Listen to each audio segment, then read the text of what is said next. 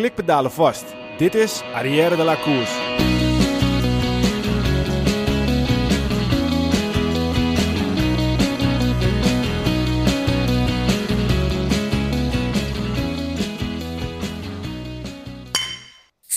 Arrière de la Course wordt mede mogelijk gemaakt door Koerspret. www.koerspret.nl Dames en heren, jongens en meisjes, welkom bij onze podcast over wielrennen Arrière de la Course. De komende podcast gaat over wielrennen, besproken vanuit het oogpunt van drie wielergekken die alles volgen vanaf de bank, dicht voor de tv. Vandaag aflevering 73, ik ben Michiel Beemster. Jezus man, ik heb jullie echt al een eeuwigheid niet gezien. Ja, dit is vakantietijd, hè? Ja, nee, kijk, weet je, misschien moeten we meteen eventjes uitleggen waarom. Ehm, nou, we hebben natuurlijk op een gegeven moment uh, een periode gehad dat we eventjes niet op konden nemen door, de, door bepaalde omstandigheden. En we hebben eigenlijk nu gewoon even lekker de vakantie gepakt. Ja. En we hadden dus iets van, weet je, we doen het voor ons lol. En het komt nu eventjes gewoon niet uit. En we kunnen dan wel uh, in bochten wringen en weer uh, online gaan inbellen en weet ik veel allemaal. Maar we Precies. hebben gewoon even onze vakantie gepakt. Dus Wilco zit hier pikzwart naast me. Ik, nee joh, dat is niet waar. ik, ik, ben gewoon braaf in Nederland gebleven. en dan, word je, dan word je niet echt bruin. Maar inderdaad, nou, wie uh, lekker hoor. Even ertussenuit, gewoon uh, lekker vakantie vieren, met je wielrennen volgen. En dan, en dan ja, dat is, dat is wel We hebben in ieder geval genoeg te bespreken. Er is genoeg fietsen geweest. En, en, en, Peter wordt straks weer voor de tweede keer vader. Dus die uh, is zich mentaal aan het voorbereiden op, uh, op de hel die uit gaat barsten. Nee, dat is wel een dingetje hoor, de tweede keer.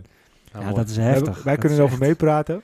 Ja, je denkt bij de eerste van ik heb het allemaal onder controle. En nou, we kunnen die tweede ook wel aan. Maar, maar dan komt de tweede. Echt joh. Dan, dan die eerste die gaat misbruik maken van de situatie. Die gaat echt zwaar misbruik maken ja, van de situatie. Ah, dat is mooi. Wielrennen kijken is er de komende twee jaar niet voor jou bij, jongen. Nou, hij springt nou al op tafel, dus uh, laat maar komen.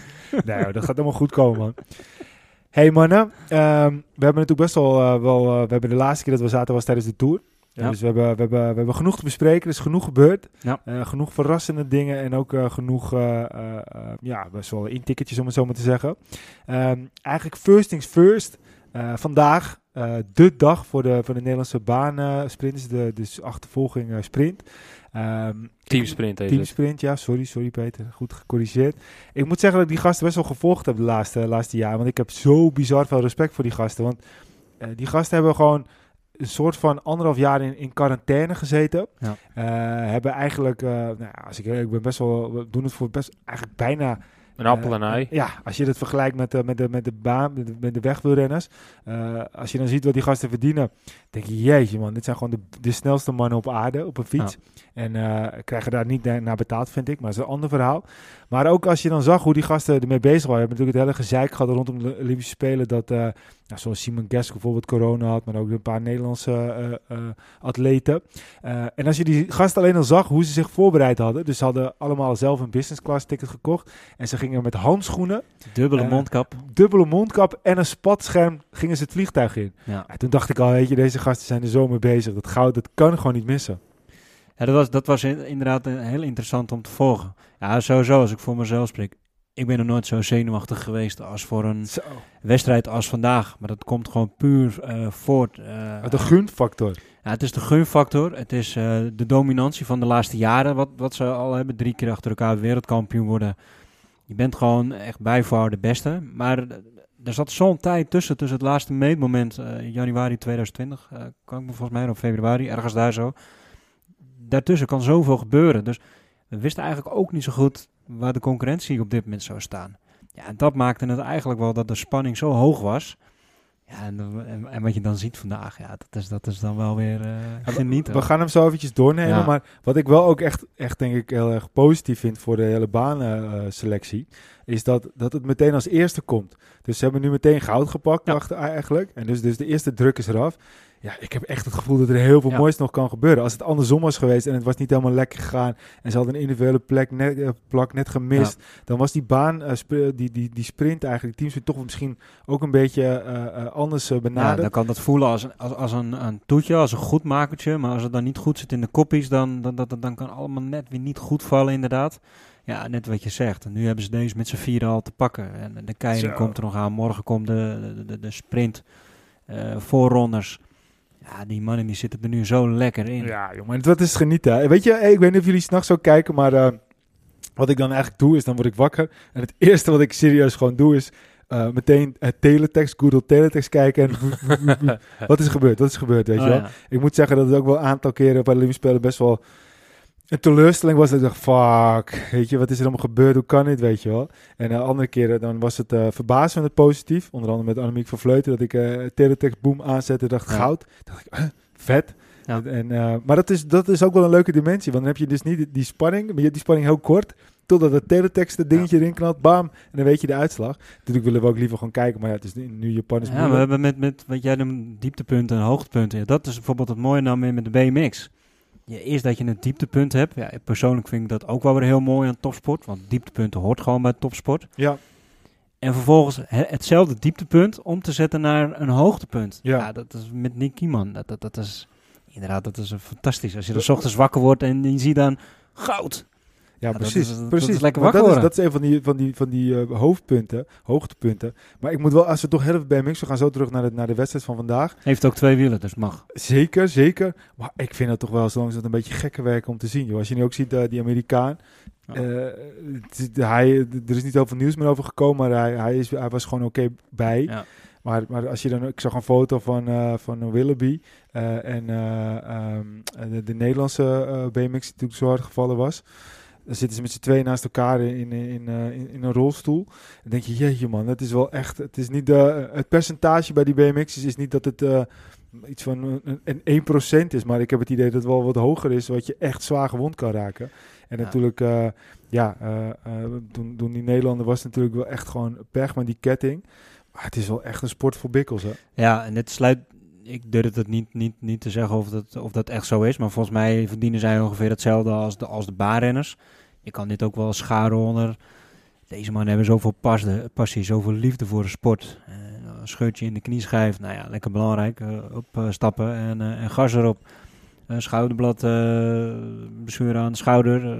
gas erop, doorgaan. Maakt mij dat uit. Weet je, de volgende race is het belangrijkste.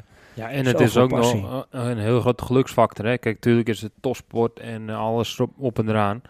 Maar ja, eh, als eentje net even anders stuurt dan de ander, dan leg je Ja. er gewoon bij en is het klaar. En dan ben je twee jaar aan het werken naar zo'n evenement. En, Nou, we zagen het bij Merel Smulders, die wint dan brons. Maar er was een moment in die race dat ze dat- dat- in de bocht en zij werd naar boven gedrukt. ja. En ze kon toen net aan, kon ze een eh, herstel maken.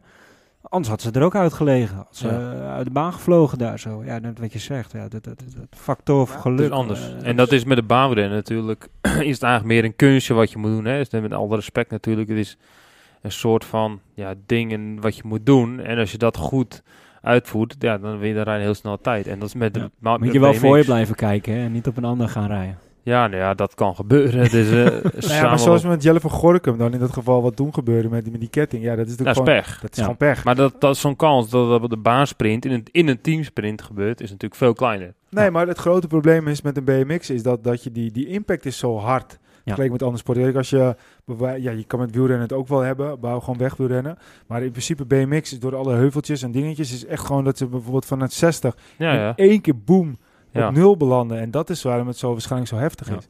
Maar laten we heel even teruggaan naar eh, de dag eh, van vandaag, de, de, de teamsprint. Ehm, ik denk dat ze meteen al heel slim begonnen, want ze, ze, ze, ze starten met eh Boegli in plaats van eh, Hoogland. Eh, en eh, je zag toen eigenlijk dat ze, dat ze nou, niet echt een risico namen, want het gaat om de plaatsing daarvan. Dus het is niet per se, eh, ja, het is het gewoon het begin. Ja. Eh, en wat je dan op een gegeven moment zag, is dat eh, ze eigenlijk niet heel veel sneller waren dan, dan, eh, dan Groot-Brittannië. En toen dacht ik wel van, oh, Ja, maar toen hadden we wel gezien dat Hoogland er nog niet bij zat. Dus ja, dan, dan weet je dat het sneller kan.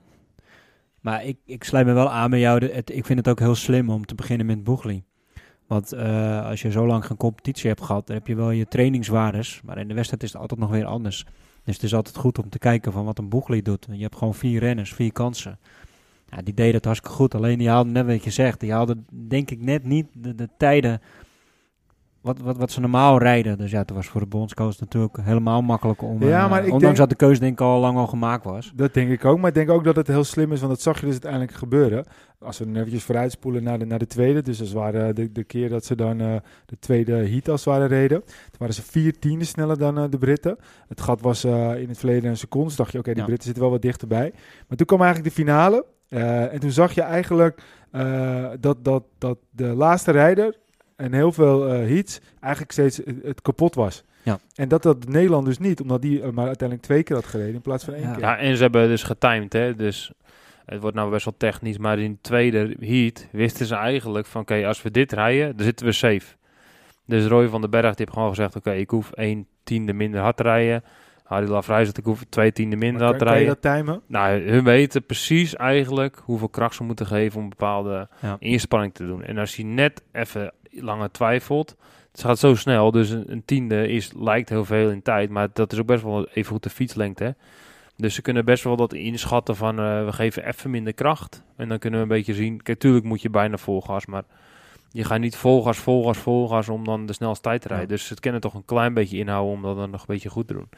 En dat, dat hebben hun dus gewoon heel goed gedaan. En daardoor net een beetje overgehouden. En waar Michiel naartoe wil, is dat die anderen allemaal een beetje een gat lieten vallen voor Ja, hen. precies. En ja, dat hoeft de Hooghal niet te doen, omdat hij eigenlijk kon sparen. En Ja, als je precies. terugbredeneert, de rest moet drie keer een heat doen.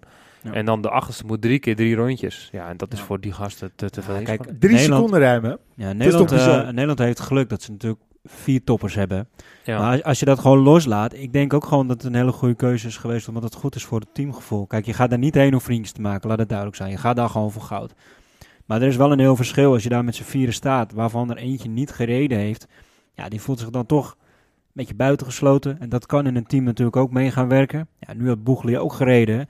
En die reed ook gewoon voor goud. Dus die staat er aan de zijkant ook gewoon als, als volwaardig teamlid. Ja, dat werkt denk ik ook wel Ik mee vond het wel een beetje kinderachtig van het IOC dat hij daarnaast niet op het podium mocht staan. Want alleen de, de, de, de, ja, de drie die de finale hadden gereden mochten daar op het podium staan. Vond ik ook kinderachtig. Toen mocht hij wel daarnaast. En het was zelfs zo dat als hij er wel bij was gestaan, dat, dat, dat ze sancties zouden krijgen. Ja, het is natuurlijk gewoon heel Ik- erg wat had jij gedaan? Ik had er gewoon naast gaan staan. Ja, maar dan had hij waarschijnlijk uh, Niet geschorst, uh, En niet dan- de mogen Dat, ma rijden. dat mogen ze officieel niet doen. Dat Nou is ja. hetzelfde als ja, jij... maar de IOC mag wel meer niet. Maar uiteindelijk, uh, dat is hetzelfde als de UC. Uh, ja, maar dat is... Ja, als, Ik had ook eieren voor mijn geld gekozen hoor. Als je, ik had ook niet eh, erop bijgestaan. ik, had er, ik had er gaan staan. Als je dus zeg maar hockey hebt... Krijgt degene die alleen scoort, krijgt een medaille. Nee, dit Dus is- iedereen krijgt toch ja, een ja, medaille. het sterker nog, als je gewoon de een wisselspeler bent Ja, en maar je hij hebt heeft geen gespeeld, krijg je... Ja, nou, maar, Ja, ja, maar waarom mag dat je niet moment- op het podium, man? Dat, dat is Nee, ik vind het ook kinderachtig. Kinder- Ik had er gewoon gaan staan. Fuck it. Nou ja, hij nam, eh, kijk, ik denk wel, die gasten die hebben natuurlijk zo voorzichtig geleefd. En eh, ze hebben nog steeds zoiets van, we moeten voorzichtig zijn met de corona, eh, met Ja. eh, alles. Ja, dan, dan als iemand dan tegen je zegt van, ja, je mag niet meedoen, dat hij dan denkt van, ja, oké, weet je, ik Ja, kies en, eigenlijk je, voor en je hebt Ja, vijf maar- jaar lang gewerkt om hier te kunnen staan. En dan, Het was uiteindelijk nog kinderachtiger, hè? Want hij mocht niet tijdens het volkslied op het podium ook staan. niet, nee. En toen was het volkslied afgelopen, toen mocht hij erbij gaan staan. Ja, dat was de compromis die ze hadden gesloten. Oké, Ja. we moeten een middenweg zoeken. Dan met fotomoment mag je er wel kinderachtig? bij. Ja, het slaat nergens op. Kijk, zo'n... We luisteren allemaal drie, denk ik, in het wiel af en toe eh, deze dagen. Zeker, heel echt groot een leuk- compliment aan die gasten. Theo Bos, super toffe toevoeging. Theo eh, Bos is had, echt de bos. die had er ook kunnen staan. Theo had gewoon daar gaan staan. Dat durf ik wel te stellen. Ja, misschien wel. Ik wil trouwens nog één dingetje zeggen. Dat is eh, helemaal niet, eh, eh, heeft met sport te maken. Maar die, die gasten vind ik echt dat die het super goed doen. En Ja. die zijn echt super vet. En, en, en een leuke podcast tijdens de Tour. En niet alleen spelen. Ze werden gisteren op Twitter helemaal afgebrand. Ja. Omdat, eh, nou ja, hoe heet die van Warme, Warmerdam? eh Eh, Pim Bijl, toch? Nee, Pim, nee, maar ook, hoe heet die? Jitse, Jitse? Hidde. Hidde. Hidde, Hidde van Warmerdam. Die vroeg aan het eind aan Sivan Hassan of ze de snollebolletjes ko- kon. En eh, eh, dat vroeg hij, want als je die podcast ook had geluisterd, dan Ja. wist je waarom. Want ze hadden dus als het ware elke keer als een Italiaan win, dan kwam er een bepaald lied uit Italië. Als die won, dan kwam er een bepaald lied uit een ander Ja. land. Dat, dat gebeurde steeds. Maar heel Twitter viel over eh, hem heen omdat hij dus aan Sivan Hassan vroeg van, eh ken je de snollebolletjes? Maar hij bedoelde eigenlijk gewoon, het was op het eind van het interview, hij bedoelde eigenlijk gewoon de vraag van, heb je dat gehoord? Hoe grappig is dat, dat de snollebolletjes wordt gespeeld in een stadion, omdat de Nederlander wint. Ja. Maar echt al die zure mensen op Twitter vielen volledig over hem heen. Die snapten totaal de context niet. Pim Bijl, dat stuk werd gezien als een, eh, als een racist, omdat hij eh, op een bepaalde manier het had beschreven. Ik denk, jeetje, ga lekker genieten van het sport, joh. En dat Ja, ze gezeik, vo- man. Ze zei ook iets van...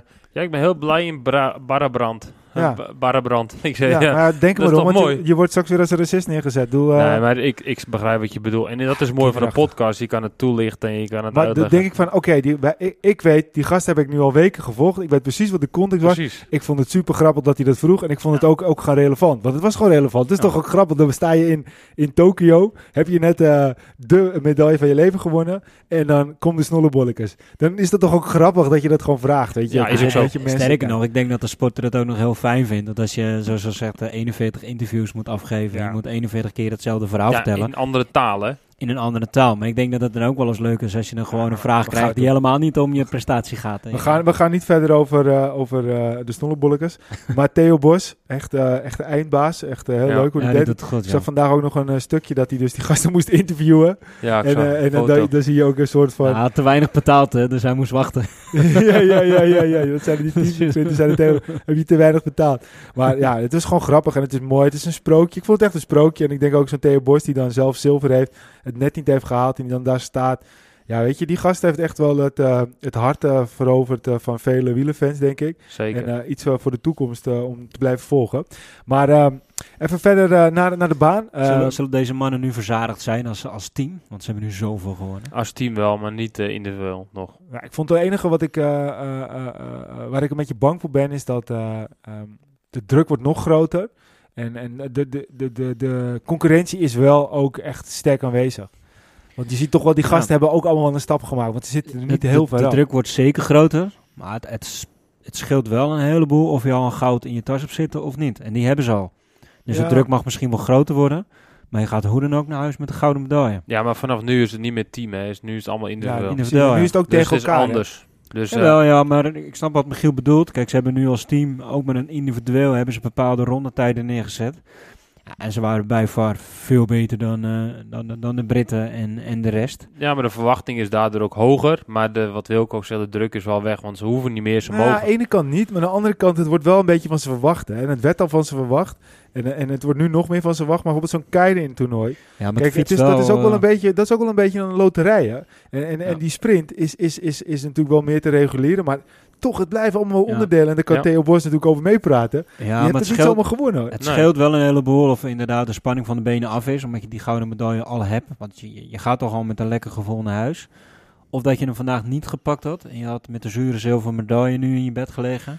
Ja. Dat is wel een heel groot het, verschil. het kan twee kanten op. Maar weet je jongens, we gaan er gewoon weer van genieten. En je ziet gewoon, eh dat is ook even een mooi bruggetje. Want we gaan ook Ja. even terugkijken naar de eerdere Olympische Spelen eh, onderdelen.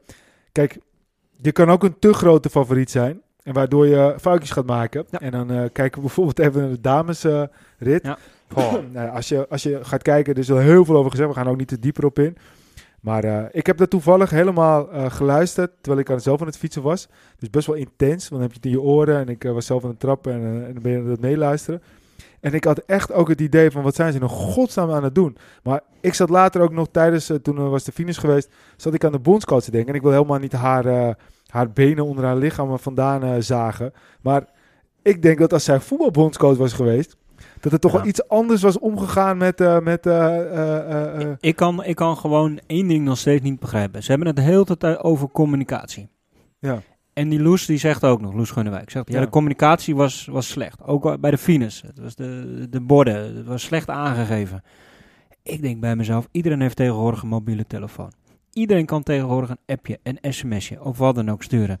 Je kan je vrienden, je kennissen, iedereen in Nederland, in Tokio, iedereen die zit te kijken. Iedereen die kan haar een berichtje sturen. Ze hoeft maar mensen te vragen. Hou me een beetje op de hoogte van, van tijden mochten de, de, de signalen slecht zijn. Ze had zoveel communicatiemiddelen Maar kunnen ik, hebben. weet je, weet je, echt die vijf minuten, die tien minuten. Nee, ik denk dat zij het wist. Alleen dat zij het niet over kon Nee, brengen op ze renners. Ja, ze maar- heeft zelf ook gezegd dat er bij de start finus dat Ja, de, maar communicatie zo- ook heel slecht was. eh. verhalen zijn. Maar ik vind persoonlijk, en nogmaals, ik wil helemaal niet daar afbranden, maar je hebt één, één job. En dat is Ja. gewoon tijdens het WK en tijdens de Olympische Spelen die, die rensters zo goed mogelijk te begeleiden Om goud te pakken. om goud te pakken. En dan is het moment, misschien Ja. vind ik bij de dames, nou, misschien de heren ook wel, vind ik het WK, een, een, nou, vind ik Olympische Spelen bijna nog belangrijker dan het WK.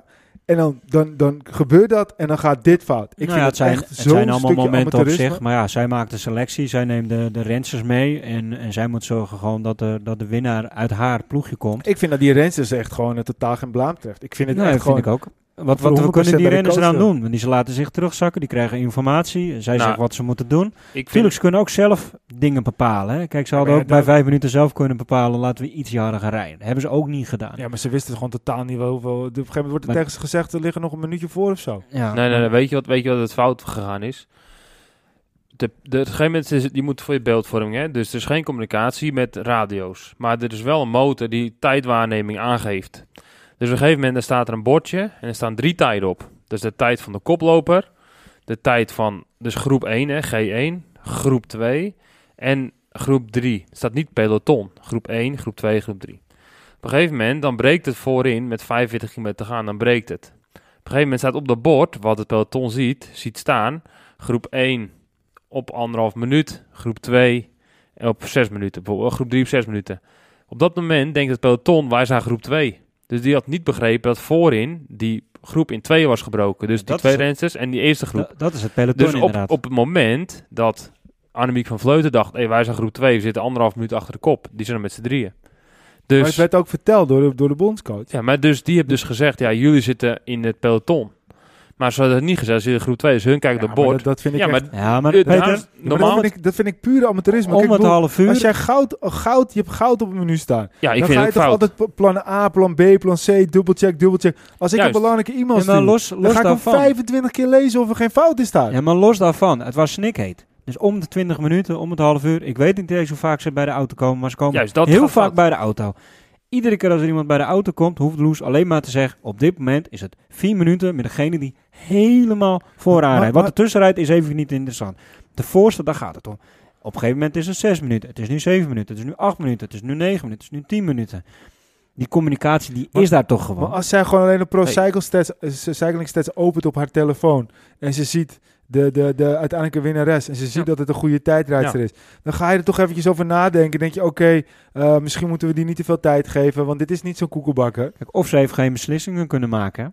Ja, maar Of sowieso... zitten eh, slapen. waarom laat je 10 minuten meer dan 10 minuten op een Olympisch Spelen wegrijden? Dat Ja. begint het al. Maakt Het niet was, uit wie het het was hartstikke korte wedstrijd. Leontien van Moorsel die zei heel mooi. Ik snap er ook niks van. Bij vijf minuten hadden ze gewoon zelf gewoon gelijk gas Ja, moeten precies. Ja, geven. maar ze wisten het allemaal blijkbaar niet. En ze hadden een, een linker rijtje en een rechter want- Ja, rijtje. maar ook dat geloof ik niet. Die rensters die weten ook donders goed hoe groot het verschil is. Want iedereen Ja. laat zich terugzakken. En iedereen krijgt je weer informatie vanuit de Kijk, en je, ploegleiderswagen. je weet dat er drie voorop zitten. Als je dan twee terugpakt, dan weet je, oh, er zit er nog eentje voor. En dan is het lulkoek als je gewoon dat Ja, niet maar weet. Dan ben je misschien gewoon echt te, veel eh, op het, eh, op het schip, waardoor ze allemaal Ja. wel dachten, nou, we hebben allemaal wel een kans. Precies, En, dat eh, wilde ik net zeggen. voor elkaar willen werken. Ik denk zelfs dat de Loes, om weer even bij Loes Gunnewijk te komen, dat ze ook gewoon een fout heeft gemaakt in haar selectie. Want ze heeft nu gekozen voor vier toppers. Alle vier toppers die kunnen winnen. Ze had misschien moeten zeggen, ik ga voor twee of voor maximaal drie toppers. En dan gaat één of twee knechten gaan ermee. Ja, en, en drie die gaan gewoon werken. Vollering die natuurlijk volledig dienend is aan eh, Van der Breggen. Die kijkt gigantisch tegen erop. Ze hebben al een aantal Ja. keer eh, eh, echt wel wat voor de, voor de gelaten dit jaar ook Van der Breggen. Dus die, die, die is heel trouw aan Van der Breggen. Dan heb je Vos een andere ploeg. Dan heb je Van Vleuten een andere ploeg. Ja, weet je, ja, Ze hadden misschien twee andere dames misschien, mee moeten misschien had je nemen. het dan toch beter kunnen zeggen. We nemen Vos niet mee en we nemen, eh, we nemen Blaak mee. Bijvoorbeeld. eh, dan had je een, een, een, een werkster gehad die gewoon het kopwerk deed. Die ook en, kan afronden nog steeds. Wat ik ben ervan overtuigd, als Nederland één renster had opgeofferd, dus in dit geval bijvoorbeeld Blaak, dan had Duitsland en België, want die reden ook veel vooraan, die hadden ook een mannetje of een Maar goed, vrouwtje aan, aan de andere kant, dat is achteraf lul, want we waren natuurlijk heel blij dat de selectie met de 4 V's was. De 4-4. Eh, maar goed, het is niet anders. Ja, het maar is- daarom is dit ook nabeschouwen. En, en- Zeker, en- Ja, ze- als je Ellen van Dijk of zo neerzet, die kan gewoon vanaf 130 kilometer op kop gaan rijden tot een kilometer of 30. En dan is dat 100 Ja. kilometer op kop gereden. Van, dat doet geen pijn bij. En dan moet je de laatste 130 kilometer finale rijden en dan zoek je het uit. Dat dat een ergens afstand. was ik er ook wel een beetje van uitgegaan dat Vollering, hoe goed ze, ze ook is en, en, en hoeveel ze ook gewonnen heeft. Ze is wel veruit die Maar- jongste maar en moet- haar tijd komt natuurlijk Maar moet nog wel. Vollering dan bij, bij een... Dat is toch niet de type renster die, die eh, voor in een peloton moet beuken om een kopgroep te Nou ja, zij kan natuurlijk wel gewoon Ja, natuurlijk eh, zou ze dat eh, kunnen, kopwerk doen. Dat, Maar dan is eh, het toch niet de renster naar? Nou ja, uiteindelijk eh, achteraf gezegd is dat, is dat inderdaad niet de renste de naam. Maar ja, als Ik- je, ik als je toch af- iemand had moeten aanwijzen, denk ik dat zij wel de aangewezen persoon misschien was om dat te doen. Ja, ik, ik denk echt dat, eh, dat, eh, eh, dat er gewoon heel, ja, best wel kritisch gekeken moet worden, want je laat gewoon goud liggen. Maar ja, Ja. laten we het positief houden. Nee, maar nee, Dus we, het- we, we zijn altijd heel positief, maar je mag toch gewoon zeggen, we mogen toch wel gewoon, gewoon het was- duidelijk... Kijk, nou, de, ik vind dat je, dat je, nogmaals, de bondscoach, ja, het is een erejob. En eh, je doet het een aantal keer per jaar. En dan mag je er toch gewoon vanuit gaan dat, dat je dat zo goed mogelijk doet. En als je dat dan op dat moment niet goed doet, nogmaals, het is helemaal niet om haar af te branden. Maar, maar je kan wel gewoon constateren dat het niet goed is gegaan. Ik vond het ronduit slecht en amateuristisch. Hij wil positief blijven. Ja, maar Annemiek die redt, redt gewoon wel weer even de, even de bloemen voor die week. eh, Die, maar dat de is- tijdrit. Maar Dus dat is juist wat het misschien is wel nog mooier maakt. Ja, maar die tijdrit staat los van de wegrit natuurlijk. Die tijdrit is fenomenaal. Ja, maar daardoor is eh, dat tijdrit gaat nog mooier. Ja, Ja, daar- maar ja, Maar de wegwedstrijd is, eh, er is gewoon geblunderd. We hebben zilver gewonnen, want ik vind ook gewoon zilver is gewoon winnen en brons is Ja. ook winnen. Ja, een medaille is een medaille. Maar Nederland kwam daar voor goud. En als we andere landen moesten geloven, Nederland kwam daar voor goud, zilver en brons. En we pakken alleen zilver. Ja, dan heeft Nederland gewoon echt gewoon gefaald. Nou, En, was, het was eh, zo slecht. Het was gewoon slecht. Maar goed, dan En, komt die eh, tijdrit en dat was, eh, was ze ook volgens de boekjes was ze Chloe Dijkert was de grote favoriet. Ja. Ik, eh, ik had ook echt ingezet op, op Dijkert en Ganna. Was, ik was heilig van overtuigd dat die zouden winnen. Ghana was vandaag trouwens wel goed. Ganna was, was eh, bizar vandaag, Zo. maar dat is op, op de baan. is anders inderdaad. Maar nou ja, goed, en dan, dan zie je de- dus uiteindelijk die tijdrit dat, dat Van Vleuten Ja. echt dik wint. En dan denk ik wel, ja, dit is echt wel gewoon een van onze, on- onze grootste sportvrouwen die we ooit hebben gehad. Want als je, als je zoiets kan omturnen naar, naar, naar zo'n dikke winst en, en, en zo'n goede vijf, vind ik, heb ik er Ja. zoveel respect voor. Weet je wat ik eigenlijk het allermooiste vond? Als je zo naar het podium zat te kijken, en er staan er twee Nederlandse vrouwen. En normaal gesproken zou je zeggen, ah, hoe vet is dit hè? Twee Nederlandse vrouwen podium. Eentje die was de gelukkigste vrouw van, van de hele wereld op dat moment. Die had eindelijk de goud te pakken. En die andere die stond daar met een zuur gezicht op dat podium. En die kon gewoon niet blij zijn met de medaille die ze toen won. Ja, maar dat is ook wel een beetje van de Breggen, is toch ook wel een beetje ingetogen Ja, maar altijd. ik, wat, wat, ik, wat ik wil zeggen is dat ik vind het mooi. Dat, dat is ook pure topsport. Dat is, voor haar is dat een dieptepunt op dat moment. Want ze kwam daar gewoon voor goud. En, ze, en het is gewoon een pure winnaar. Ze, ze komt voor ik niks had juist wel het goud. idee dat zij, dat zij nog wel eh verbaasd was dat ze nog brons had hoor. Dat, dat, dat ze er niet Ja, heel- ja, zeker heel- ja. Maar goed, of het nou drie, vier of de vijfde plek was voor haar, dat, dat ik denk dat het voor haar niet echt veel uitmaakt. Ja, ze kwam daar alleen maar voor één. En niets anders dan één. En ze kwam niet voor zilver of Nee. brons. Ze kwam daar voor goud. Ja, ik vond die Zwitsers ook wel verrassend. Ja, die was heel verrassend. Niet zeker. verwacht. Niet verwacht. Dijkert kwam er niet aan. Ja, kijk, we hebben het er vaak over gehad. En eh Mr. eh Pro heeft het hier wel eens aan tafel ook gezegd. Ja, eh, zware blessures aan, aan benen, heupen, knieën. Eh, ja, het zijn eh, eh, statistieken komen eigenlijk naar voren dat, dat rensters en renners nooit meer op het niveau terugkomen eh eh, Ja. na dat soort blessures. Hij noemde ook een voorbeeld uh, Vroom. Ehm, maar eh, ja, ik weet niet of je dat ook toen zei, bijvoorbeeld Evenepoel. Ja, hij- Behalve Wout van Aert. Ik wilde het net zeggen. Ja, maar behalve Wout van Ja, Aert. dat is dan wel weer een tegendeel. Meer zijn bovenbeen toch? Een hele snede erin. Niet bij zijn Ja, knie. die had volgens mij ook een dermate zware blessure. Dat, eh, dat volgens mij. eh, Ja, was maar, vol- ook maar, volgens mij was bij Van Aert zijn bovenbeen eh, met name het probleem. En wat hij zei is dat de, de heupen en, eh, en, en knieën, dat daar, als dat, dat eenmaal een keertje kapot is geweest, dat renners en renners bijna nooit op een goede manier terugkomen. Maar goed, er zijn altijd uitzonderingen. Ja, je Maar- kan Olympisch kampioen worden als je je knie breekt. Nick Dus- Niemann, die, eh, die Ja, met ja, eh, Maar dan hebben we over. BMX'ers, hè. Dat is weer eh, een scheurtje in zijn knieschijf. Dat zijn geen mensen, dat zijn robots, dat Ja, zijn dat zijn, machines. ja, dat, is zijn joh. Dat zijn reuzen. Ja, bizar. Dan de mannenrit. Ehm, uiteindelijk gewonnen door Carapaz. Woutje tweede. Eh, ja. Ja, weet je, wat Met z'n we- allen tegen Wout, hè? Was het eigenlijk. Ja, maar wat vinden we nou van Carapaz? Nou ja, wil je Ja, stiekem dat, is, toch dat is toch gewoon de Jurgen Klinsmann, dat is toch gewoon een Ja, Duitser. is echt een Duitser. Echt een Duitser. Nou ja, het- ik, vind het, ik vind het mooi dat hij... Gewoon wat, wat ik tegen jullie ook in de app zei. Ik hoop dat er iemand wint die gewoon al drie, vier jaar lang meedoet in de top. Nou, Ja. Carapaz is gelukkig wel een renner die al drie, vier jaar gewoon echt gewoon eh, grote wedstrijden wint. En hij wint nu ook gewoon een grote wedstrijd. En hij eh, pakt een solootje erbij. Ik vind dat hij hem wel terecht gewonnen heeft. Ja, dat ik denk geval. ook wel een- ook best wel een ziek eh, podium was, toch? Met eh, Van Ja. Aert en Pogacar. Ik vind het een mooie Zeker. winnaar. Maar ja, wij hebben natuurlijk nog die toerrit eh, ook een beetje in ons achterhoofd. Dat hij zat te linkerballen en dat hij echt als een Duitser reed. En dat Vingegaard en... eh en eh, ja, en het is een Pogacar, Ineos rennen en die gun ik het sowieso eerlijk gezegd niet. Ja, dat is dan weer een ander verhaal. Ja, Het was wel een best besterre, eh, sterk bezette team, hè? 13 man of zo in Ja. de koers. ja. Ja, goed weet je, Carapaz, eh, als je het rijtje kijkt, eh, Giro winnen, podium in de Tour en dan Ja. Olympisch kampioen. tweede Vuelta. Op zich is dat ik, niet, vond dat, niet eh, verkeerd, hoor. ik vond dat Mollema een hele goede koers reed. Ja, Maar hij had gewoon de pech dat, dat, dat anderen gewoon beter waren. Want hij was gewoon echt goed. Ja. anderen waren alleen beter. Ja, wij zeggen altijd een nationaal kampioenschap wordt in Nederland is best wel vaak een loterij. Omdat het is, iedereen kan eigenlijk winnen. En dan hoop je altijd dat degene die een beetje het waard is om het te dragen, dat mag dragen. En nu zie je dat eigenlijk, Olympisch Spelen, dit was ook eigenlijk zo'n Olympisch Spelen dat een beetje een loterij is. Ja, maar je moet wel de of 10, benen hebben. 20 die, die, die, die kon pakken. Precies, en dan ben ik liever, ik heb liever Carapaz die wint dan eh, McNulty met alle respect natuurlijk. Die heeft gewoon veel minder palmarès. Ja. Dus Ah, Van dat Aert was wel vet eh, geweest natuurlijk. van Aert had ik het veel Ja. liever. Van, van Aert krijgt toch een beetje Nee, het is weer dezelfde fout als op het WK. Hè. Veel te veel. Ik weet wel dat ze allemaal naar hem kijken, maar veel te veel willen doen. Iedere, ieder ja, gaatje. Op een gegeven moment moet je ook hij gewoon gaat één zeggen... keer niet mee. En, en, en dat, dat moment dat hij er niet bij zit, of net van niet kan, ja, dan, dan, dan is hij net te laat. En dan, Ja, dan, kijken ze allemaal naar hem. denk ik ook van... eh, ja jongens, als ik het niet doe, doe het dan lekker zelf maar. Maar- en als maar- ik het niet doe, dan winnen we allemaal Maar dan niet. op dat Ja, moment mist hij misschien ook wel weer een beetje zijn Mattie van de Poel. Want, want dat Ja, is nou net wel wel. weer een renner. De ene keer dan halen ze, net zoals vorig jaar, voor mij Gent Bever aan mijn hoofd, halen ze elkaar uit, uit de wedstrijd. Maar de andere keer is het dan wel weer van de pool die dan net even dat, dat stukje doet en hij samen. Hij mist Ja, er ook maar- iets. Maar net als op het WK. Ja, of, of hij miste zijn zijn meeste knechten even Ja, de pool. Of zeg ik nou iets dat we heel België over ons heen gaan krijgen? Ja, ja, weet ik niet. Even de pool is gewoon denk ik nog niet goed genoeg hersteld van zijn blessure. En dat is eigenlijk al voor, de, voor België een drama. En ik, ik hoop echt dat hij ooit weer terug gaat komen niveau wat hij had. Oh, zeker. Hij wel lang nodig vergeleken met de Pitcock bijvoorbeeld.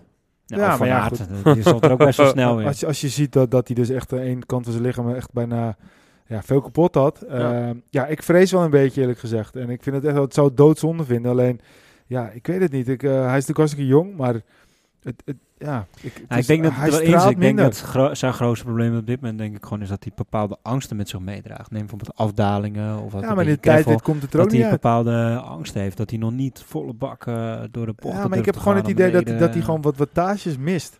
Ja. En waar dat vandaan komt, misschien is het training, misschien eh, is het toch een beetje angst. Maar in de tijd komt het er ook eigenlijk niet uit. Ja. Want dat was zijn grote doel.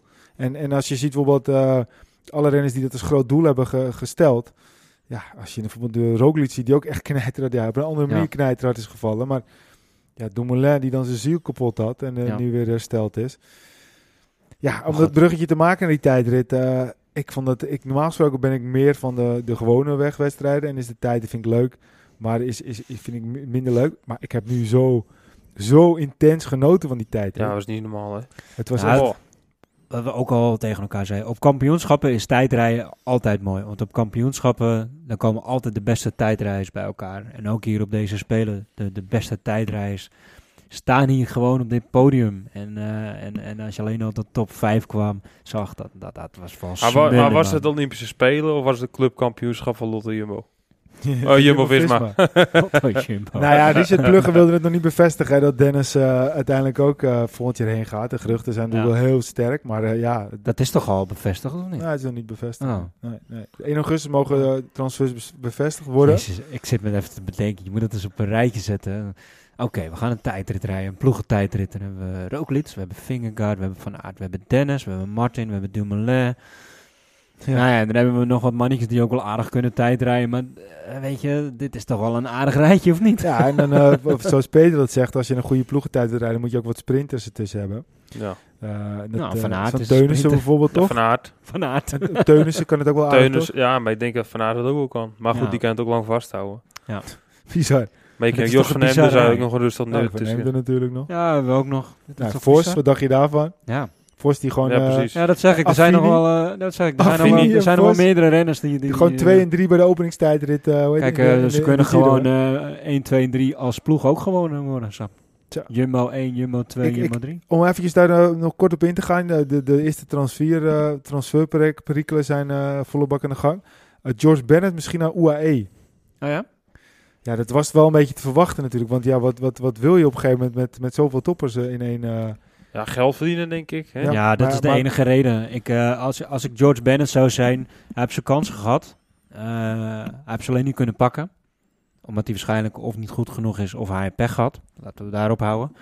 Maar ik, ik denk als ik eh, George Bennett zou zijn, eh, hij, hij mag mooi koersen rijden. Hij mag ook mooi koersen winnen. Dat heeft hij de afgelopen jaren in Italië ook eh, laten zien. Dus hij krijgt de kans echt wel. ja. En ik denk als je in een ploeg als Jumbo-Visma in een team de Tour de France mee mag draaien. Nou, dat mag je niet meer denk ik. Daarna gaat hij weg.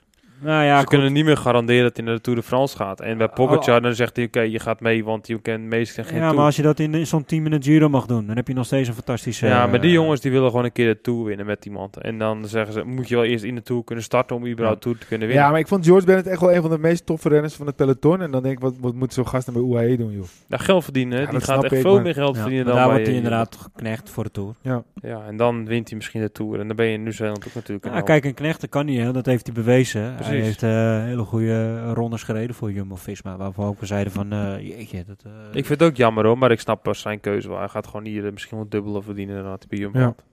Ja, en bij Jumbo hebben ze Sam Omen rondrijden en die hebben het ook nog niet laten zien. Dus dat moet er ook nog uitkomen. Dus in ja, principe Tolle, staat ze Tolle voor- gaat ook ja, waarschijnlijk weg. Die wordt bij Wanti en bij Trek genoemd. ik, Ja, eh, zal er niet bij mogen tekenen bij Jumbo. nou, Tolhoek gaat wel vertrekken, denk ik, ja. Ja? Ja. Ik, eh, ja, hij wordt eh, nadrukkelijk bij Trek genoemd eh, op Wanti. Wanti is dus ook echt flink aan het versterken. Christophe gaat naar Wanti. Eh, er worden nog Ja, Trek zou ook een logische stap zijn. Nu Koen de Cordaro manager gaat worden, teammanager. Dus Nou, hij meer wordt, Nederlandse hij wordt meer eh, materiaalmanager, hè, de kort. eh, die gaat, eh, performance manager geloof ik, Ja, toch? nou, maar de, de kort gaat zich wel meer bezighouden met het materiaal en dat soort dingen. Sportdirector toch?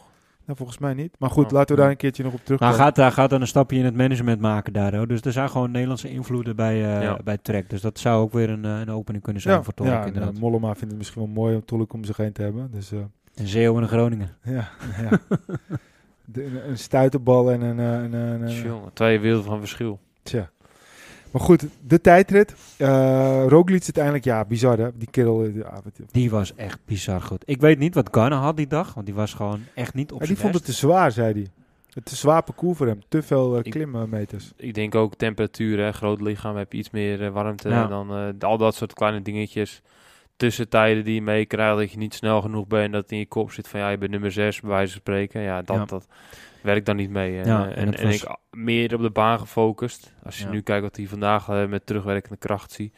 Dat hij ja gewoon niet eh denkt van, oh, dat pak ik wel even erbij de tijdrit. Maar ja, dat werkt zo niet. En ik vond het jammer dat, dat, dat, ja, dat, dat Van Aert gewoon op was. De, de, de tank was gewoon leeg. Dat Ja. was duidelijk te zien. Dat was jammer. Maar daarentegen hebben we eh, onze trotse Tom. Ja, dat, Ja. dat- Ongelooflijk. fantastisch, ongelooflijk wat je zegt inderdaad. Dat Wat is- vonden jullie van Stef Clement? ja, die deed niet mee toch? Nee, wat vonden jullie van zijn... Van, nee, gelukkig niet. Wat vonden jullie van eh, zijn, eh, zijn eh, commentaar bij de NOS? Want het, Ik het heb het commentaar niet een beetje. Ik, ik snapte wel, wel wat hij bedoelde, eerlijk gezegd. Maar wat heeft hij gezegd dan? Nou, hij zei dat gewoon dat, kijk, het- wat Tom nu moest stoppen, eigenlijk kort samengevat, moest hij, je hebt gewoon een mentale knauw gehad. Dus hij zit het in zijn hoofd, zit gewoon niet helemaal goed. En hij zegt, als het eenmaal een beetje zo in je hoofd zit, dan gaat het er eigenlijk nooit meer uit. Ja, en Ja, maar hij zei eigenlijk, Tom Dumoulin is niet zielig. En dat zei hij omdat dus, er zijn renners die bijvoorbeeld de vernauwing Ja. van een, een, een, een, liesslagader hebben. Die kunnen nooit meer sporten, omdat ze geen het kunnen geven. Eh, en en hij, hij, ik vond dat hij een beetje de, de, de mentale toestand eh, onderschatte. Want ik denk namelijk dat als jij een vernauwing in je liesslagader hebt... waardoor je fysiek iets niet meer kan doen... Tuurlijk is dat zielig, want dan kan je niet meer sporten. Maar het is ook zielig als jij gewoon een, een knik in je kop hebt... waardoor je niet meer kan sporten. En als je Ja. dat kan overwinnen, dan vind ik dat niet zielig. Want, want ik, ik, in het begin was dat ook mijn reactie. Toen dacht ik van Tom Dumoulin, wat zit je nou? Kom op man, je hebt een fantastisch leven. Je kan doen en laten wat je wilt. Je, kan, kan, eh, eh, eh, je hebt de wilde om, om, om topsport te zijn. Je hebt de wilde om daar dik voor betaald te krijgen. Wat zeur je? Maar aan de andere kant, dat zie je nu met Bijls. Dat zie je met, met die, die Japanse tennister. Je ziet het zoveel meer.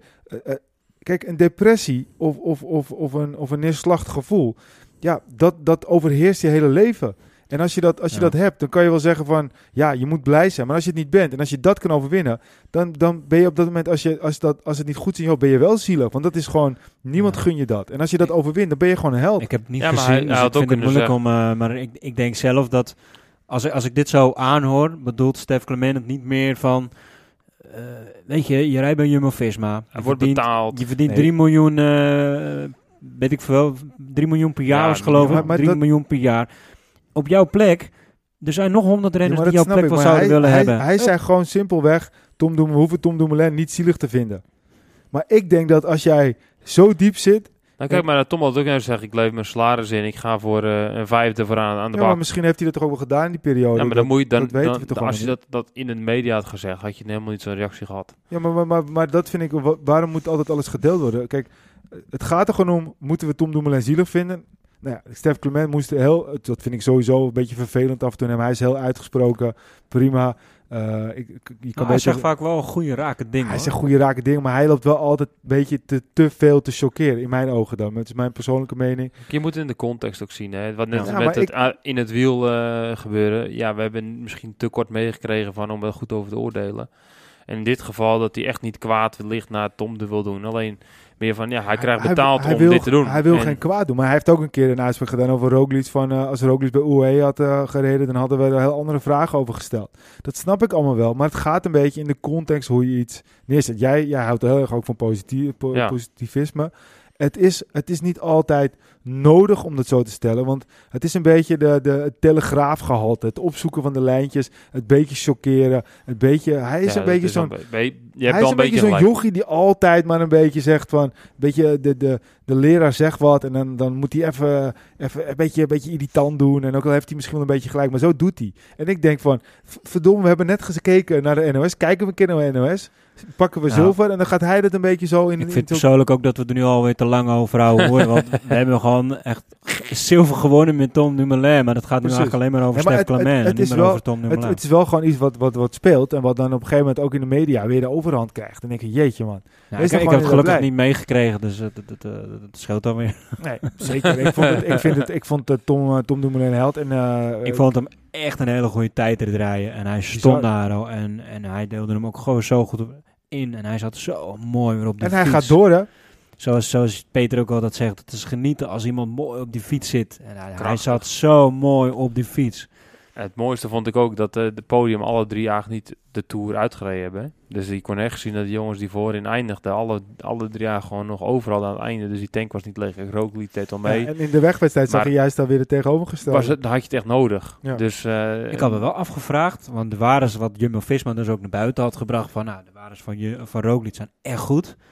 Ik vraag me nu ook wel serieus af van, wat had hij in de Tour kunnen doen? Ja, maar dan had hij misschien geen Olympisch kampioen tijdrijder geworden. Ja. Dan had Tom Ja. eh, kunnen Nou, winnen. Tom, eh, goud gepakt, dat had beter geweest, toch?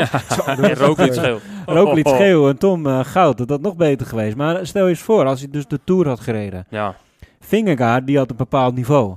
Maar die was eigenlijk minder in de waardes dan dat Roglic was. Maar als je ziet Ja. waar Vingegaard al staat... En die had veel dichter op Pogacar kunnen staan. Hè? Want die had het de eerste week laten Ja. lopen. Omdat hij bij Roglic moest blijven. Ja, maar goed, dat is... Weet je, dat, dat is nou... Dat, maar dat, waar had dat Roglic hoort nu helemaal bij het wielrennen. Dat vallen, dat hoort er eh, helaas bij. En hij viel. Kijk, eh, voor hetzelfde geld in een andere dimensie was, eh was Pogacar Ja, maar je mag gewoon fantaseren. En ik denk serieus dat, dat Jumbo-Visma echt heel goed voor elkaar had. Dat Ik weet niet of Roglic uiteindelijk weer... eh, hij gaat waarschijnlijk die Vuelta weer rijden. ja. Ja, hij is natuurlijk gewoon weer eh, Ja. de, de favoriet ja buiten. vet. Maar Peter, jij als, eh, als tijdrijder, nog eventjes beide tijden, zowel de mannen als de vrouwen. Wat, wat viel je op? Ja, Tom eigenlijk wel. Tom en Roglic, dat hij naar de finish doorreed. Dat, moet ik wel- ja, dat zal ik nooit meer vergeten. maar ja, verder, je zag gewoon... Hij eh, had gewoon nog over. Hij kon gewoon nog, nog- harder. ja, ja, ja. je Zo zag zie gewoon ik dat. die jongens die er echt op focussen, zoals Dumoulin en zo, met de paceplan. En de Roglic zag misschien nog beter. Die hebben echt een plan gemaakt. Hè? En dan kan je dus in de afdaling iets minder hard. En dan als het even omhoog gaat, even harder. Want dan kan je sneller meer tijd pakken. Ja. En eh, daar, dat spel eigenlijk hebben hun gewoon heel goed gespeeld. En je kon het heel mooi zien met een uh, Roglic en een Kasper Asgreen. Dat op een gegeven moment haalt die Asgreen in. Hè? Ja. Die staat er voor hem. En op een gegeven moment dan komen ze op een stukje waar hij een soort van zijn benen stil kan houden. En Asgreen komt er vol gas voorbij. Nou, je moet zo zien als je 1 kilometer aflegt, eh 60 km per uur, doe je er precies een minuut over. Maar als jij 500 meter 30 rijdt, eh doe je ook een minuut over. Dus dat is bergop. Dus op dat stukje kan hij sneller. Als hij dus 35 km per uur rijdt, hij 5 km per uur harder. Maar dan pakt hij veel meer tijd Ja. ten opzichte van als je 60 naar 65 gaat. Als je snapt wat ik bedoel. Nou, Ja. dat heb hij nu ook gedaan. Hij ging dus goed timen, vlak voor het klimmetje even de benen stil, even weer een beetje temporiseren. Hup, en nog een keer de bergje op. En ja, toen kwam hij, liep hij heel snel weer in op Kasper Askreen. Nou, of het discussie dat wel of niet mag wat Askreen deed, ik- volgens mij mag het nog steeds niet. Het zag Dus- er raar uit, want het was nog een renner natuurlijk. Zaten we z'n drieën daar. Ja, volgens mij, ik ben toen ik Nederlands kampioen tijdrijden werd bij de belofte, toen eh, haalde ik Moreno Hofland in. En eh, was vlak na een bocht en ik, ik- hij zat een beetje half in mijn luwte. En na de bocht kon hij me volle bak voorbij sprinten. En staat dus gewoon een reglement dat het niet mag. Dus hij kreeg gelijk eh, de, want ik was de leider in dat moment, dus ik had ook de jury naast me. En Erwin Kistenmaker, een bekende jurylid in, eh, in de peloton in Nederland, die zegt van, hup, 20 seconden tijdstraf, als je nog een keer doet, dan word je uit koers gehaald gelijk. En omdat je niet meer mag inhalen, want dan gebeurt er. Als je dus de- in, bij in blijft halen, dan ga je allebei profijt van hebben. Want dan ga je slipstream, nog een keer Ja. slipstream, door slipstream. Dus eigenlijk had Casper Asken in mijn ogen zelfs gedisqualificeerd moeten worden. Ja. Maar ja, die kon heel goed daardoor zien hoe Roglic zijn tijdrit eh, tempo ja, in, in had gedeeld. En op Ja. een paceplan rijdt om dan zo snel mogelijk te gaan. Ja, en je kon ook heel duidelijk zien, misschien zijn dat ook die verzachtende omstandigheden, dat een asgreen, als het wat vlakker is, het gaat naar beneden, dan is hij natuurlijk in het voordeel. Hij is uh, Nee, maar, nee, hij- nee, maar hij- ja, maar ook wel. Maar hij, je ziet dat Askreen, die ging daar gas geven. Ja. En op het moment dat je daar gas geeft, die had het eigenlijk opgegeven. Ja, fuck it, ik ga gewoon vol gas naar de finish, ik zoek het maar uit. Maar ja, daardoor ging het dat klimmetje, werd hij eigenlijk gelost door een rooklied. Omdat hij dus eh, daarvoor ook al gas gaf. Ja. En je kan minder verschil maken op een afdalingje met 60, 65 km per uur dan met 30, 35 km per uur. Ja, ja het, was, het, was, het was mooi om te zien. En eh, Ik vond het eigenlijk wel jammer dat we zo weinig van Dennis hadden gezien. Want Dennis, die, ehm, ik kan me herinneren dat hij toen op driekwart van de tijdrit zat, dat hij best wel een grote achterstand had. Volgens mij zeiden wij ook nog tegen elkaar van, nou oké, nee, Dennis is ook afgeschreven, hoeven geen rekening mee te houden. Maar eh, net als Koen, die hadden in het slot van de tijdrit, hebben zij, eh, zij hebben dermate goed ingedeeld dat ze Ja. op het eind heel veel eh, tijd hadden goed gemaakt. Ja. Jammer dat we daar te weinig van gezien hebben. ja, ik heb niet meer zo heel go- goed herinneren wat de wat tussentijden waren hoor, van Dennis. Maar je kon gewoon meestal iets rooklied zien en Dumoulin een paar keer. En dan zag je gewoon het hun heel goed, heel goed voor elkaar hadden. Ja. Dat ze echt bij, Jum, bij, eh, bij Jumbo eh, een goed plan hadden opgesteld, opgemaakt. hey jongens, eh, Dikke Komende- complimenten komen- voor Heibor. zeker, zeker. ehm, eh, het, was, het was prachtig. En het leverde voor Nederland een, eh, gouden of een eh, zilveren medaille op, in Ja. ieder geval. Eh, en Zilver Jumbo- met een gouden eh, randje. Jumbo-Visma was daar niet in het medailleklassement met de goud, zilver en brons? Gewoon geen idee. Ik denk dat wel top 30. Wat? Jumbo. Jumbo-Visma als land. Oh. nou ja, zeker wel denk ik. Ja, je moet die- niet te snel zeggen, want elk land heeft ondertussen bijna een Ja, het, het, gaat, het gaat snel. Ik Het denk dat ze meer gehaald hebben dan België.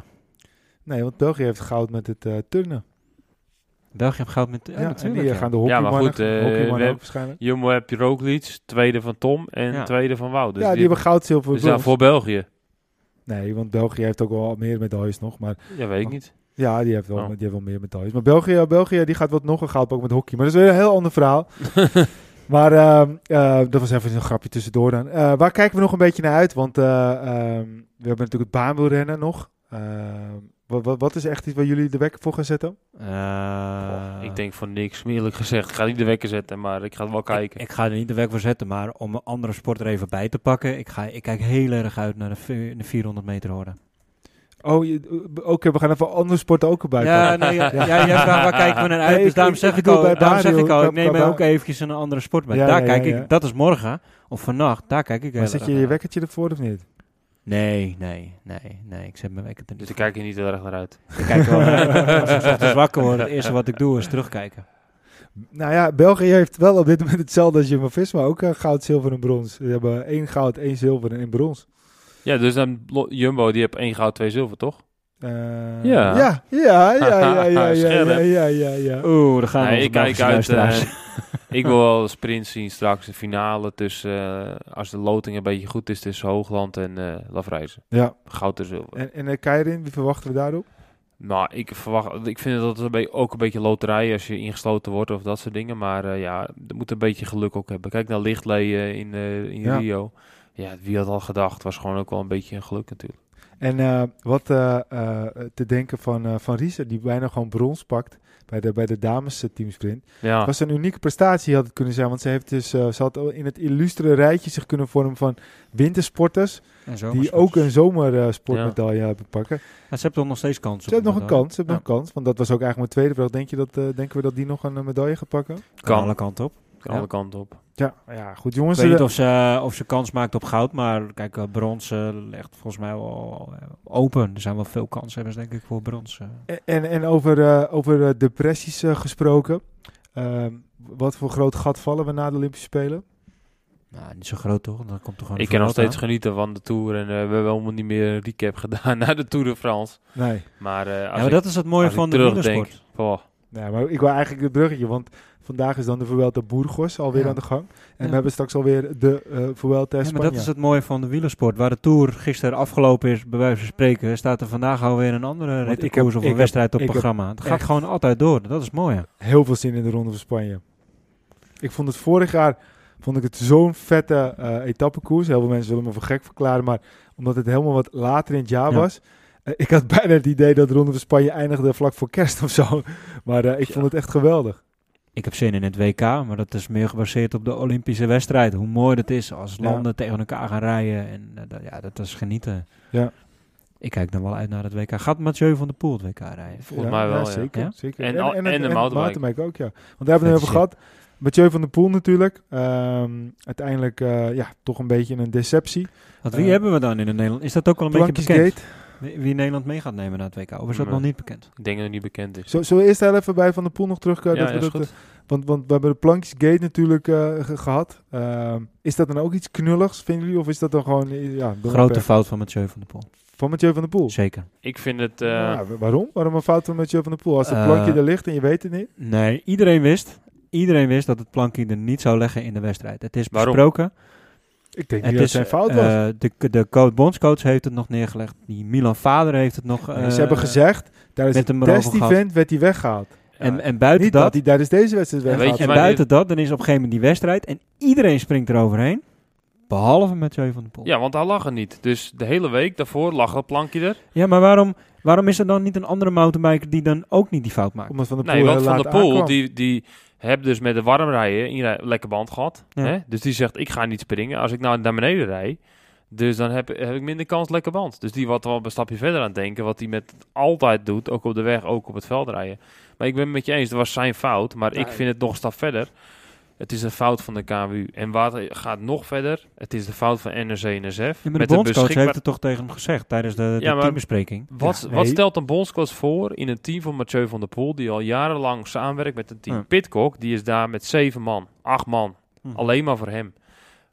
Mathieu moet ook nog de bondscoach delen. Die moet een part-time verzorger delen. Moet een part-time mechanieker delen. Er is niemand daar om hem zo te coachen hoe je eigenlijk normaal gewend is. Dus wat hij eigenlijk doet, hij zegt, nou, we hebben het over de plankje. De plankje is niet. Hij gaat inrijden en hij zoekt, oh, dat is een makkelijk wegje. Daar kan ik een secondje pakken, daar. Verdomme, die plank. En dan gaan ze starten, en anderhalf uur later.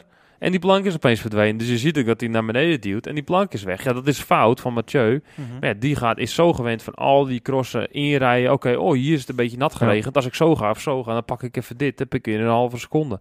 Oh, ik reed lek. Als ik nou dat niet doe, want het lekker ben ik game over. Als ik nou, als ik nou de enige ben die hier naar beneden duwt, dan heb ik misschien wel een voordeel. Dus het rijdt misschien niet lek.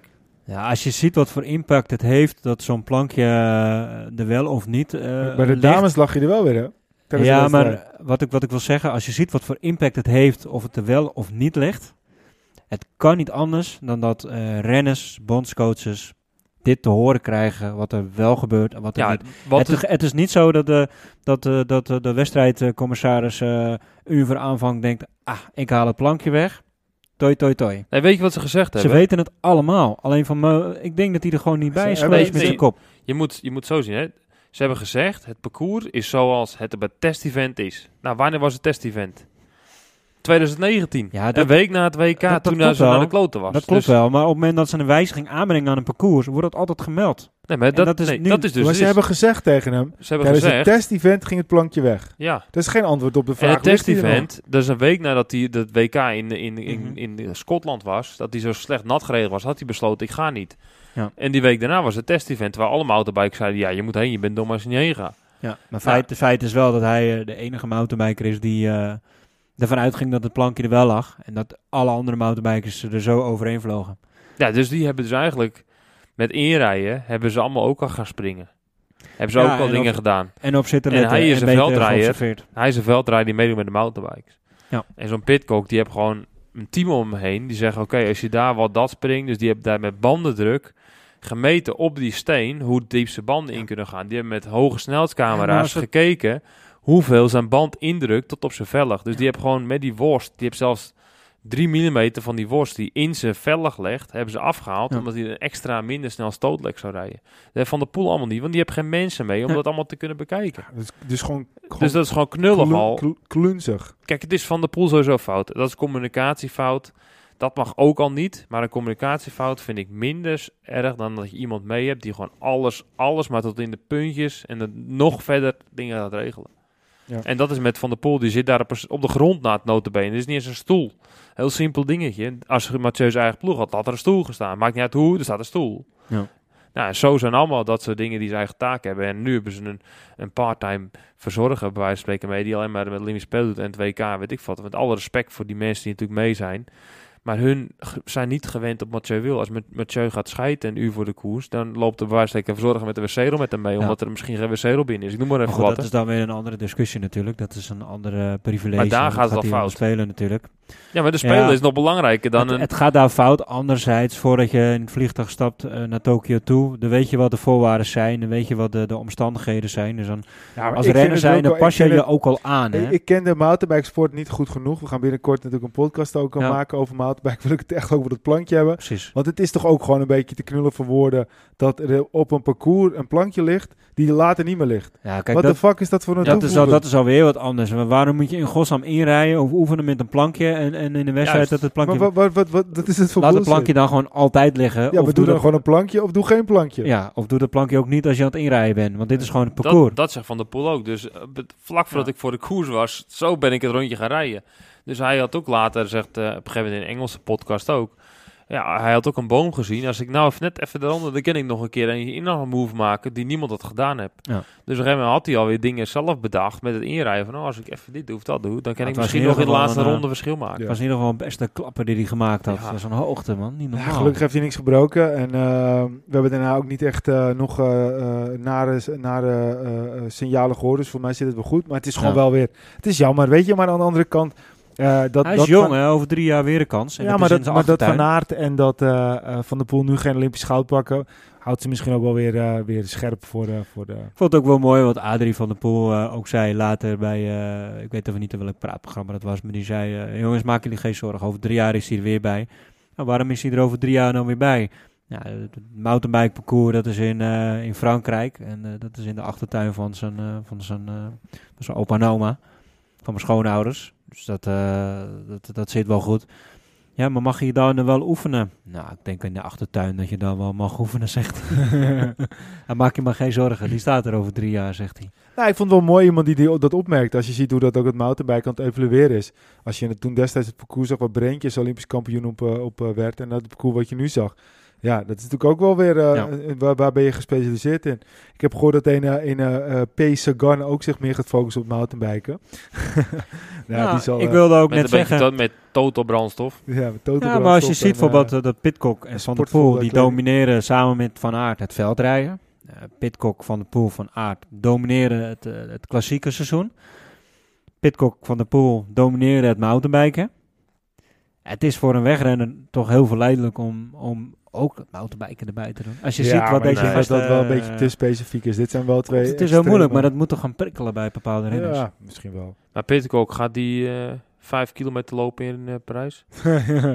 dat klopt uiteindelijk Ja, niet. wel goed hoor. 10 kilometer was het moet, toch? nee, dan moet 10 het- nee, kilometer. vijf kilometer was het. En toen had hij dus eh, zo'n beetje bijna het Engelse record. of zo. Nou, dat is, Ja, kan waarschijnlijk hard. Mo Farah is al harder gaan. Maar hij ging heel hard. Eh, maar dat bleek dus niet helemaal goed eh, met eh, de GPS ingesteld te zijn. Maar hij kon ook aardig lopen inderdaad. Dus misschien gaat hij wel, eh, gaat hij wel de triathlon doen. Ja, dat dacht ik ook al, ja. Op de atletiek gewoon voor de lol erbij. Even ja. mountainbiken en dan de vijf kilometer. Al makkelijk gekund toch nu? Ja, nou, dat zie je aan Hassan. Die kan zelfs vallen en winnen en daarna nog Olympisch kampioen worden. Bizar trouwens. Tja, Vallen en dan nog zo hard. eh, tja. en dan nog de vijf winnen ook. Nou, ik word wel een beetje doodziek ook op het gelul van zoveel mensen. Met name op Twitter. Al dezelfde slag mensen die ook zeikt op, eh op Heren van Warmerdam. Ja, welkom in Nederland. Maar dat je dan ziet van ja, dat het tegenvalt qua medailles. denk je, jezus jongens, waar hebben we het over man? Flikker op. Ja, wat een wilde. Ja, wat een wilde. Ja, België terwijl, heeft- we, terwijl eigenlijk op de, op de lijn zitten om het beste eh. Olympische jaar eh, ooit te gaan draaien. Want Sydney was het beste jaar, geloof ik. We gaan we ook eh, halen. En dan, en dan, ja, waar hebben we het over? Nou, ik vind dat ook hoor. We moeten Ah, lekker genieten van de sport. Wat ik eerder ook zei, een dieptepunt vind ik net zo mooi als een dan moeten, ze, dan want moeten dat soort mensen vaker wielrennen gaan kijken. Want dan leer je wel met teleurstelling omgaan. Ja, dan heb je meer teleurstellingen dan, Ja. dan de laatste jaren met een Kruiswijk in de Giro en een Roglic in de Tour en eh, nog wat andere dingen. Een, een, een eh, Van der Poel in eh, Yorkshire. Ja, dat, dat, dan weet je wel dat je pas gewonnen hebt als je finish. Dus Ik moet altijd denken aan Rasmussen. Dat was een teleurstelling. ja. Ja, dat, was ook, dat weet ik nog heel goed. Dat toen Rasmus eh die laatste tijdrit reed, dat de Deense commentatoren in de Tour aan het huilen waren. Omdat ze dachten dat hij wel even dat podium zou halen. Tja. Ja, bizar. Ja, maar was dat is dan bizar. weer een eh, andere, andere tour. Toch? Dat was toch die tijd dat Oh, hij jij bedoelt eh, dat hij eruit werd gehaald? Ja. Met die bolletjes. Ja, ja. ja, dat was die met die bolletjes, ja, ja. Ja. Dat hij eruit werd gehaald, ja. Ja, maar ja, in die tijd eh, was niks te gek. Nee, maar het was natuurlijk wel Rabobank. Nederlandse ploeg waren natuurlijk echt voor Rabobank. Dat dat ook wel echt een Ik ben nou wel benieuwd wat er nu gaat gebeuren met uh, Padoen Pats. Als het toch weer een beetje in het... eh, in Nou ja, die eh, hele ploeg, wat er, wat er gebeurt. Want Ja. ze hebben toch eh Maar er gebeurt niks. Ja, maar waar die Padoen is toch raar. Ja, het, is, het stinkt aan alle kanten, maar eh, ik denk dat er niks gebeuren gaat. Dat denk ik. We gaan er de komende weken heel veel over lullen. En eh, Ja. we gaan hem hier afsluiten. Wilco, laatste woord. Nou, eindelijk weer even een podcast opgenomen, man. Dat was weer leuk. Kijk weer uit naar de volgende. Uur is voorbij gevlogen. Peter.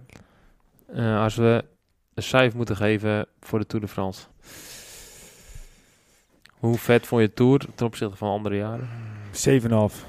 Ik vond hem echt eh, heel gaaf. Ik geef hem een, eh, een, een, een, een, eh, 8,8. Maar ik ga wel een 9,5. Ja? Maar goed, we gaan eh Want ik vind, ik vind gewoon om heel kort toe, toe te lichten, gewoon heel kort toe te lichten. Mensen hebben het altijd Toer alleen maar over het algemeen klassement. Het, het- dat viel tegen, want dat het heel snel beslist was. Maar de Tour was gewoon veel meer dan een algemeen klassement. Zeker. Er waren zoveel competities in die grote competitie. En dat maakte het zo gaaf. En al die etappes, de- de- iedere etappe had weer zijn eigen verhaal. Dat, het Ja. was gewoon echt een hele gaaf Zullen we Tour. dan ook, zoals wij eh, destijds eh, met name verliefd werden in het tijdperk Indurain op het wielrennen, zouden nou ook eh, straks jongetjes van onze le die leeftijd die wij toen hadden verliefd worden in het eh, tijdperk Pogacar? Laten we het hopen. Ik denk ja, het wel. laat het zeker open. Pogacar, ik geef, hem, ik geef hem nog steeds altijd, qua, qua goodwill meten, geef ik hem echt wel het voordeel van de twijfel. Ja, mocht hij zich nog Ik vind het iets geen nare meer, eh, openstellen naar, naar de jeugd, dan wordt het helemaal... eh, als Ik het vind echt het een absoluut- idool gaat worden, dan kan hij Ik vind echt, het eh, geen, geen Cavendish, dat vind ik een na mannetje. Maar ik vind Pogacar echt, eh, ja, ik vind het wel, eh, hij heeft voor mij nog wel de goodwill. Maar goed, dat was hem. ik wil hem even uit en zo. Hier de grootste Cavendish-fan aan tafel. Nee, ik, ik, ik geef een Tour een 9,5. Ik doe het een beetje... ik Kijk, hoeveel dagen heb ik genoten van de Tour? En ik heb bijna elke etappe heb ik dingen gezien waar ik denk van... Wow, dat was ja, vet. en zo Ja. bekijk ik het ook. En daar geef ik een cijfer aan. En het klassement, ja, het was saai. Maar evengoed wat hij la heeft laten zien was evengoed ook een wow. Was Ja. vet. En het was misschien een beetje emotieloos op een gegeven moment. Maar ja, het was toch wel echt vet wat te Ja. liet zien. Ik ben het helemaal met je eens. Misschien is ook een 7,5 wat te karig. maar het is ook alweer een tijdje terug.